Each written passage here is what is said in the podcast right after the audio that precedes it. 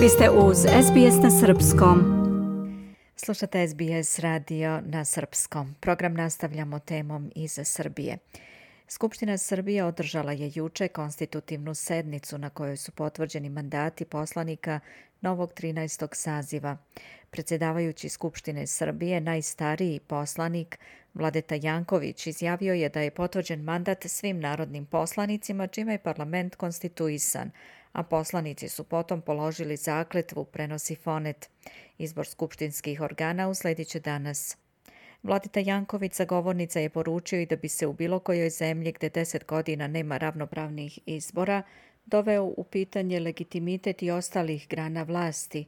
Srbija lišena poštenih izbora ne može biti srećna i poštovana zemlja. Poštenih izbora neće i ne može biti dokle god svaki i najudaljeniji građanka i građanin Srbije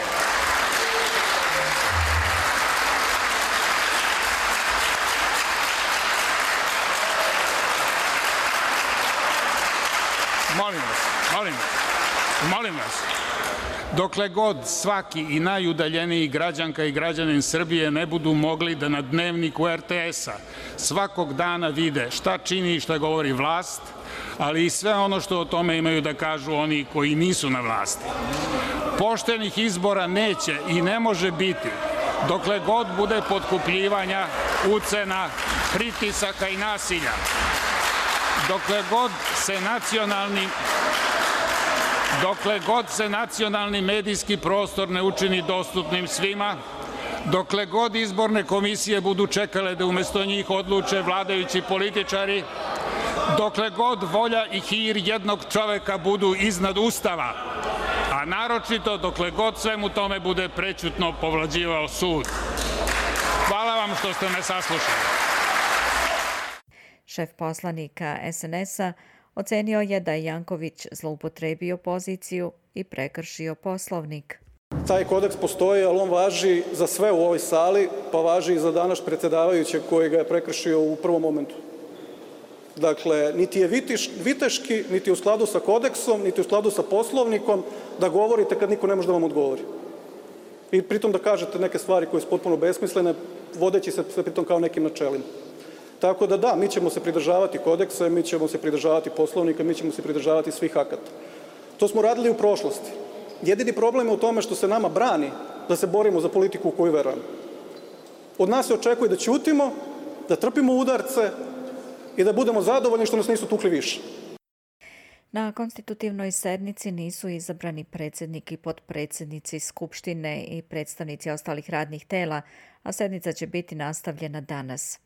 Za novog predsednika Skupštine Srpska napredna stranka koja ima najviše poslanika u novom sazivu predložila je Vladimira Orlića. U konsultacijama predstavnika izbornih lista koje su osvojile mandate sa odlazećim predsednikom Skupštine Ivicom Dačićem, dogovoreno je da će novi saziv imati sedam podpredsednika. Inače, bivši predsednik Skupštine Ivica Dačić je novinarima u Skupštini Srbije rekao da će socijalisti podržati Vladimira Orlića, kandidata SNS-a za predsednika parlamenta i da će ta stranka biti deo parlamentarne većine u novom sazivu Skupštine.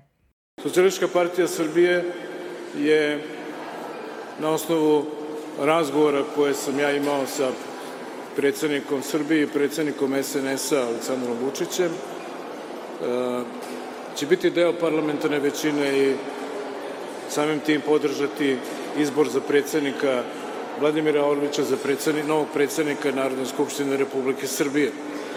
Mi ćemo kandidovati naša poslanička grupa Ivica Dačić, Socialistička partija Srbije, će kandidovati Snežanu Paunović za podpredsednicu Narodne skupštine. Ja ću biti šef poslaničkog kluba, a Đorđe Milićević, moj zamenik šefa poslaničkog kluba. Kandidate za podpredsednike trebalo bi prema nezvaničnim najavama da imenuju SNS, SPS, Savez vojvođanskih Mađara, Stranka pravde i pomirenja kao i opozicioni poslanički klub Stranke slobode i pravde, pokreta slobodnih građana, Koalicija Nada i grupa od 35 poslanika Demokratske stranke, Narodne stranke, Ne davimo Beograd i Koalicije Moramo, prenosi Fonet. Najavljeno je da će kandidat za potpredsjednika Skupštine Ujedinjenih biti Borko Stefanović, koalicije Nada Božidar Delić, a grupe od 35 poslanika predsjednik DS-a Zoran Lutovac. Novi skupštinski saziv činit će 250 poslanika sa 12 izbornih lista i očekuje se da će biti formirano 15 poslaničkih klubova. Većina poslanika iz različitih poslaničkih klubova izrazila je nadu da će novi saziv biti konstruktivan i da očekuju konstruktivnu raspravu, borbu za javni interes, da se drugačije mišljenje čuje. Međutim, bilo je i onih koji su rekli da ne očekuju značajne promene. Jedan od takvih je Aleksandar Jovanović Ćuta iz Ekološkog ustanka, koji kaže da SNS predstavljaju uglavnom oni koji su podani Aleksandru Vučiću, dok Marinika Tepić, koja će u Skupštini predvoditi najveći ujedinjeni opozicioni klub, kaže za N1 da ipak očekuje da nešto bude drugačije u novom sazivu. Platili su cenu, nemojte zaboraviti da su pola miliona glasova manje dobili na, na ovim izborima. To je zaista veliki udarac za Srpsku naprednu stranku i mislim da to i jeste pokazatelj u građanstvu da je njima već preko glave svih tih uvreda, tih loših reči, jer od toga niko ne živi bolje. Niko neće imati za bolju užinu svom detetu zato što će se tamo neki poslanici svađati i vređati, već da probaju da nađu bolje rešenje za te roditelje, za zdravstvene prosvetne radnike, rudare, dakle za sve, za sve ljude koje zapravo predstavlja ovaj parlament, jer mi donosimo zakone koji se odnose i na one koji nisu članovi naše stranke i koji nisu članovi Srpske napredne stranke i koji nisu članovi ni jedne stranke, već se odnosi na, na ceo život u Srbiji i s tim u vezi ja očekujem da da svesnih svojih grešaka i ovi iz vladajuće većine promene, promene odnos prema opoziciji, prema parlamentarnoj praksi između ostalog.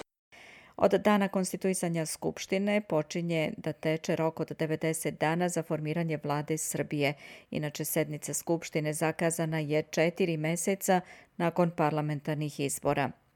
U pozadini konstitutivne sednice Skupštine Srbije predstavnici ekoloških organizacija, naučne zajednice i organizacije Kreni promeni okupili su se ispred zadnjeg ulaza u zgradu parlamenta i ponovo predali inicijativu sa 38.000 potpisa građana kojom se traži zabrana iskopavanja litijuma i bora u Srbiji. Kako je istakao direktor kampanje Kreni promeni Savo Manojlović, ta inicijativa je predata pre mesec i po dana, ali Skupština nije u zakonskom roku od 30 dana razmatrala ili odgovorila na narodnu inicijativu, čime je po njegovim rečima prekršen Ustav kao i zakon o referendumu i narodnoj inicijativi, prenosi glas Amerike. Mi ovih dana vezano za krizu na Kosovu vidimo često od zvaničnika Republike Srbije, dakle, zahteve da se poštuje naš ustav i međunarodni pravni poredak. Čak i kada ste u pravu da bi drugi poštovali vaš ustav, prvo je potrebno da ga vi sami poštujete. Mi smo mogli da vidimo ovde da su se političari u Narodnoj skupštini dogovorili oko formalnih aspekata, raspodelili odbore. Smatramo istovremeno da moraju da budu ispunjeni i svi formalni aspekti koji se tiču narodne inicijative. Slušate program na srpskom. Ja sam Biljana Ristić. Ostanite sa nama. Želite da čujete još priča poput ove? Slušajte nas na Apple Podcast, Google Podcast, Spotify ili odakle god slušate podcast.